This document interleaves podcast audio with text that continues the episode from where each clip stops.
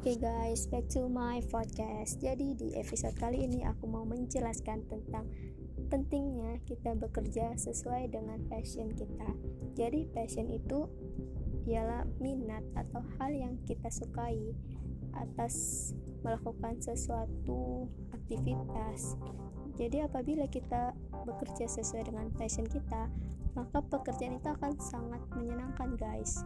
Seperti yang gue jelaskan ini ya.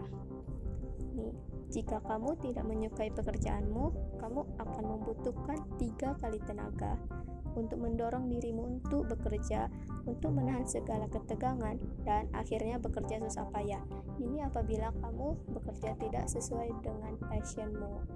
Dan jika kamu mencintai pekerjaanmu, hasratmu besar untuk mengerjakannya. Ibarat seperti angin berhembus, mendorong dan mempercepat laju kapal tanpa harus banyak mengeluarkan tenaga.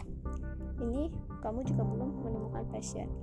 Dan juga jika kamu menyukai pekerjaanmu, kamu bekerja tanpa habis-habisnya akan bekerja apabila kamu menyukainya, tetapi cobalah untuk menikmatinya. Itu artinya kamu menyukai pekerjaanmu, tetapi kamu belum menikmati pekerjaanmu.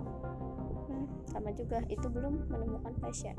Dan yang terakhir, jika kamu menikmati pekerjaanmu, kamu akan bekerja dan bekerja tanpa memperhatikan jam lagi, dan kamu akan peroleh dari nikmati lebih banyak hasil dari sebelumnya. Itu artinya kamu bekerja sesuai dengan passion, dan kamu menikmati pekerjaanmu serta kamu bekerja tidak lagi memperhatikan jam karena sesuatu yang udah kamu lakukan itu emang sesuatu yang sangat menyenangkan jadi coba deh kamu temukan passionmu itu di mana sehingga kamu bekerja dan kamu tuh bahagia gitu.